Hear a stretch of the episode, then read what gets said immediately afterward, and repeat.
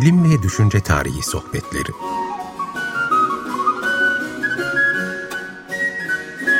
Hazırlayan ve sunanlar Derya Gürses Tarbak ve Doğan Çetinkaya.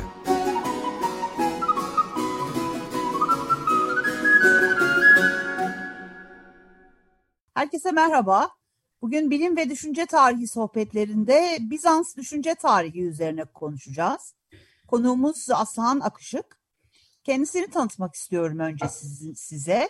Ee, Aslıhan 1997 e, yılında Brown Üniversitesi tarih bölümünden mezun oldu. 2001'de de Boğaziçi Üniversitesi tarih bölümünde yüksek lisansını tamamladı ve 2013 yılında da Harvard Üniversitesi tarih bölümü ve Orta Doğu Araştırmaları Merkezi'nde doktorasını tamamladı. Aslıhan'ın ilgi alanları arasında Bizans-Osmanlı geçişi, Doğu ve Batı arasındaki kültürel etkileşimler ve entelektüel ilişkiler, Bizans tarihçiliği, Rönesans'ta Herodot'un canlanması yeniden, e, Bizans Yunan dili ve edebiyatı, geç Bizans şehirlerinin e, şehircilik konusundaki temsilleri, edebi temsilleri, erken Osmanlı tarihçiliği ve genel olarak Konstantinopolis, İstanbul e, tarihi. Aslan Hocam hoş geldiniz. Hoş bulduk Derya. Beni davet ettiğin için çok teşekkürler. E, memnuniyetle, zevkle. Şimdi ilk sorumuzla başlamak istiyorum. E, Bizans düşünce tarihi çalışmaları genel olarak yani özelde Türkiye içinde konuşacağız ama Bizans düşünce tarihi çalışmaları dünyada hangi eksende ilerliyor? Bize bilgi verebilir misiniz lütfen? Tabii. E, ilginç olarak Bizans tarihine baktığımızda e, bu tarihi 4. yüzyıldan başlatabiliriz ya da 6. yüzyıldan ya da 7. yüzyıldan. Ama her halükarda e, orta çağa tekabül eden bir dönem. Yani e, 4. yüzyıldan da başlasak, 7. yüzyıldan da başlasak e, Rönesans'ın e, ortasında 15. yüzyılda biten bir tarih. E, bu yüzden esasında orta çağ çalışmaları içinde olmasına olması gerekmesine rağmen e, dünyada e, pek çok yerde ve e, Türkiye'de de çoğunlukla klasik dönem çalışmaları içinde çalışılan bir alan. Bunun sebepleri var. Bu sebepler de Bizans düşünce dünyasının ne şekilde günümüzde anlaşıldığına dair ipuçları barındırıyor. Bizans e, tarihi e, klasik dönemle kendi içinde yüzeysel olan e, bir e, devamlılık gösteriyor. E, çünkü e, Bizans, esasında biz ona Bizans desek de, e, 15. E, yüzyılın e, e, ortasına kadar kendine Romalı demeye devam eden e, bir devletin tarihi. E, ve e, Yunanca e, eserler e, Bizans'ta e, kopyalanmaya çalışılmaya, klasik Yunanca eserler kopyalanmaya çalışılmaya devam ediliyorlar. E, ve bu e, e, kesintisiz bir e, devam 7. yüzyıl dışında. E, o yüzden bir yandan Roma devlet geleneği var e, Bizans çalışırken. E, öte yandan da e, bir e, klasik Yunan e, felsefe, siyaset, e, retorik e, e, e, geleneğinin e, devamı var e, çalışmalarda. Bu sebeplerden dediğim gibi klasik çalışma, klasik klasik çalışma, klasik dünya çalışmasının devamı olarak görülüyor. Fakat bu biraz evvel de söylediğim üzere yüzeysel bir devamlılık. Çünkü Bizans 4. yüzyıldan özellikle başlatırsak Hristiyanlığın evrensel bir din olarak e, devlet düzeyinde e, kabul edilmesine tekabül eden bir dönem aynı zamanda. E, ve dinin bir sistematik olarak devlet eliyle organize edilmesi Bizans'ın günümüze bıraktığı herhalde en büyük miraslardan biri olsa gerek. O yüzden iki başlı olarak düşünebiliriz e, Bizans'ı ki Bizans'ın simgesi de biliyorsunuz iki başlı kartaldır. burada başlardan birinin devleti simgelediği, diğer başında kiliseyi simgelediği düşünülür. Bizans çalışmalarını da o şekilde algılayabiliriz. Bir yanda bir klasik gelenek var. Kendilerini ifade ederken, kendilerini tanımlarken klasiğe, klasik Yunanca mesela çok yakın bir dil kullanıyorlar. Klasik Yunanca eserleri okullarında okutuyorlar. Okumaya çocuklar mesela Homer'le başlıyor. Bir yandan da tabii İncil'le başlıyorlar ama Homer başlangıç metni onlar için. Yazdıkları dille konuştukları dil birbirinden farklı. Yazdıkları dil, dil artık yani konuşulmayan klasik bir dille yazıyorlar. O yüzden evet Bizans düşünce tarihi bu iki eksende çalışılıyor diyebiliriz. Bir yandan klasik dünyayla devamı çalışılıyor.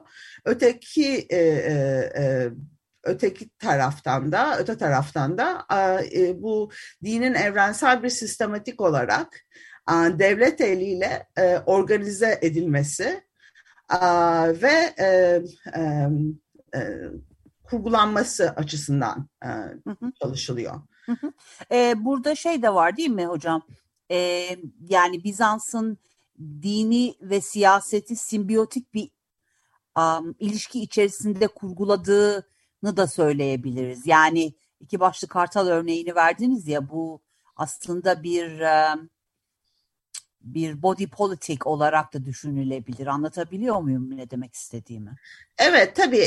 Burada tabii eğer o şekilde düşünürsek herhangi bir pürüz olmadığını düşünebiliriz.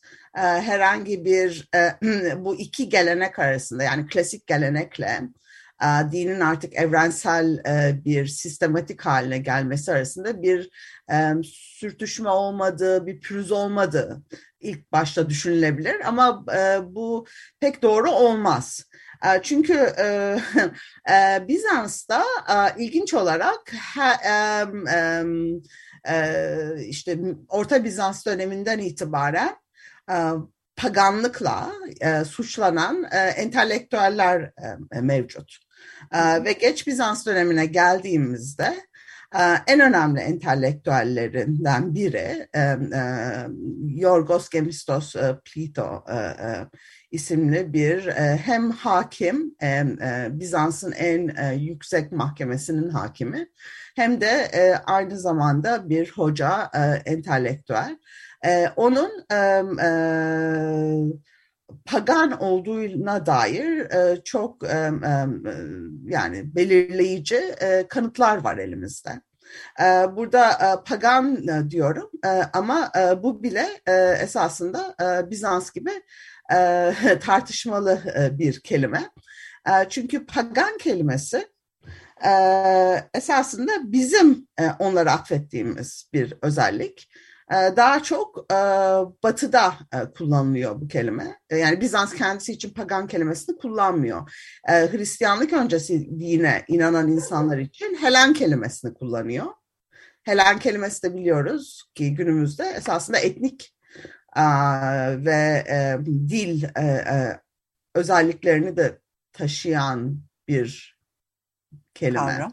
Evet. Evet, bir kelime ve e, belli bir noktaya kadar yani e, Latinlerin e, e, Konstantinopolis'i e, 1204 senesinde e, almasına kadar e, Helen kelimesi eksklusif olarak um, um, eski dine inananlar anlamında kullanılıyor. 1204 sonrasında uh, yani um, Bizanslılar kendilerini e, dışarıdan bir gözle bakmaya e, başladıktan sonra Helen kelimesini e, etnik ve dil anlamında da kullanmaya başlıyorlar. Yani Yunan dilini konuşan ve soyu Yunanlı olan kişilere de Helen demeye başlıyorlar. Sadece dini olarak eski dine inananlara Helen demiyorlar.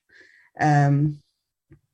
Evet o yüzden e, bu e, Helen kimliği mesela e, yani e, geç antikitede dini olarak e, e, Helen kimliği e, e, bir felsefi kimlik aynı zamanda. E, e, e,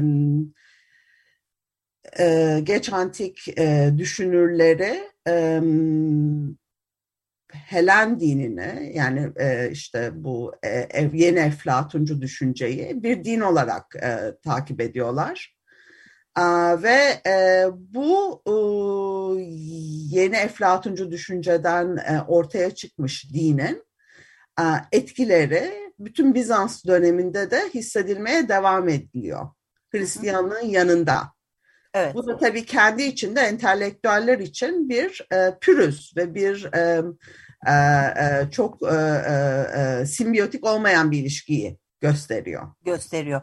Benim um, aslında sormaya çalıştığım soru klasik gelenekle Hristiyan geleneği arasında devlet bazında yap ne denir ona bir sürtüşme evet bunu çok güzel resmini çizdiniz Aslan ama e, benim a, söylemeye çalıştığım Bizans'ın dediniz ya e, bize e, literatüre kazandırdığı bir m, teokratik gelenek de var doğru doğru mu? A, kesinlikle kesinlikle çok doğru. E, zaten o yüzden sürtüşme diyorum yani ne biri ne öteki. Hı hı hı, e, e, e, bir e, e, yani e, 4. 5. yüzyıldan itibaren e, devlet eliyle e, tek bir din empoze ediliyor. E, yani o dinin, o e, düşüncenin e, dışına çıkmak e, e, ölümle e, sonuçlanacak e, bir evet. e, e, suç olarak görülüyor. Görünüyor, evet. Evet, evet, evet. E, 6. yüzyıldan itibaren, e, 6. yüzyıldan itibaren eski dine inanan insanlar mesela hocalık yapamamaya başlıyor. Eski dine inanan insanlar çocuklarına miras bırakamıyorlar. Herhangi bir şekilde devlette üst kademelere gelemiyorlar. Gelemiyorlar. Hı hı, hı. Evet. evet. Anladım. Ee, şimdi daha sormak istediğim sorular var ama bir müzik arası versek çok iyi olacak. Bugünkü e, müziği siz seçtiniz Aslan. Lütfen evet. bize tanıtır mısınız müziği? Evet, e, e, bu e, e, müzik e, e, Capella Romana grubu tarafından e, e, kaydedilmiş e, bir e, müzik. E, Capella Romana grubu e, Ayasofya'da e, e, ki akustiğin ne şekilde e, olabileceğine e, e, dijital olarak e, e, yeniden e, hayata geçirerek e, bu e, eserleri e, e, kaydetmişler. E, nasıl yapmışlar? Bunda ilginç bir hikayesi var. e, Ayasofya'nın içinde değişik e, noktalarda e, balonları patlatmışlar bu e, patlattıkları e, balonların e, ne şekilde yankılandığını kaydetmişler. Ve Ayasofya'nın içindeki akustiğin dini bir müzik söylendiğinde müziğin ne şekilde yankılanacağını dijital olarak çözmeye çalışmışlar. Lost Voices of Ayasofya adlı albümden ilk parçayı dinleyelim dedim. Evet. Şimdi bir müzik arası veriyoruz. Ardından sizinle beraber olacağız tekrar. Evet yeniden birlikteyiz. Aslıhan hocamızla birlikte Bizans düşünce tarihi konuşmaya devam ediyoruz. Bir dikotominin tam da göbeğinde oturuyor coğrafi olarak. Ama aslında ben e, düşünce anlamında da Doğu Batı dikotomisinin neresinde Bizans? Onu merak ediyorum. Bize açıklayabilir misiniz bu problematik ne, nasıl çözülüyor ya da nasıl irdeleniyor Bizans düşünce tarihinde? E, bu gerçekten çok değerli bir soru benim için de. Zaten e, yani günümüzde herhalde Türkiye'de çalışan, Türkiye'de yaşayan, Türkiye'de bulunmuş e, her kişinin bir tarafından e, düşündüğü e, üzerinden e, geçtiği bir konu bu. Ee, Batı Doğu dediğimizde günümüzde çok net bir fikir var esasında değil mi? Hani Avrupa Birliği Batı'da, biz Doğu'dayız ama Batı'ya geçmeye çalışıyoruz ya da Batı ile Doğu arasındayız. Daha bizim doğumuz doğu oluyor. sanki böyle çok net hani şu kalem elimde tuttuğum kalem kadar gerçekliği olan bir kavramdan bahsediyormuşuz gibi düşünüyoruz. Evet. Oryantalizm, işte Batı'nın ileride olması, Doğu'nun geride olması ya da Doğu'da bir oryantal tiranlık olması. Bu kavramlar sanki kendi içlerinde bir fiziksel gerçekliği varmış gibi düşünülüyor. Oysa bu kavramlar bir konstrüksiyon, bir yapı ve klasik Yunan'da ilk karşımıza çıkıyor Batı-Doğu karşıtlığı.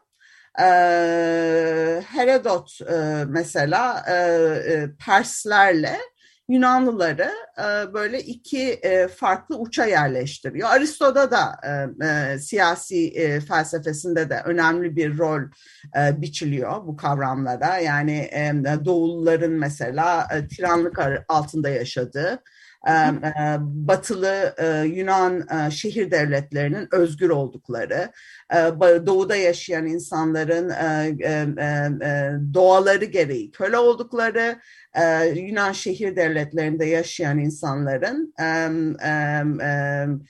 özgürlük ve tartışma ortamı içinde şekillendikleri gibi gibi bazı öngörüler var. Ee, burada öngörülerden başka biri de e, dediğim gibi bu klasik Yunan'da e, ortaya çıktığı için bu.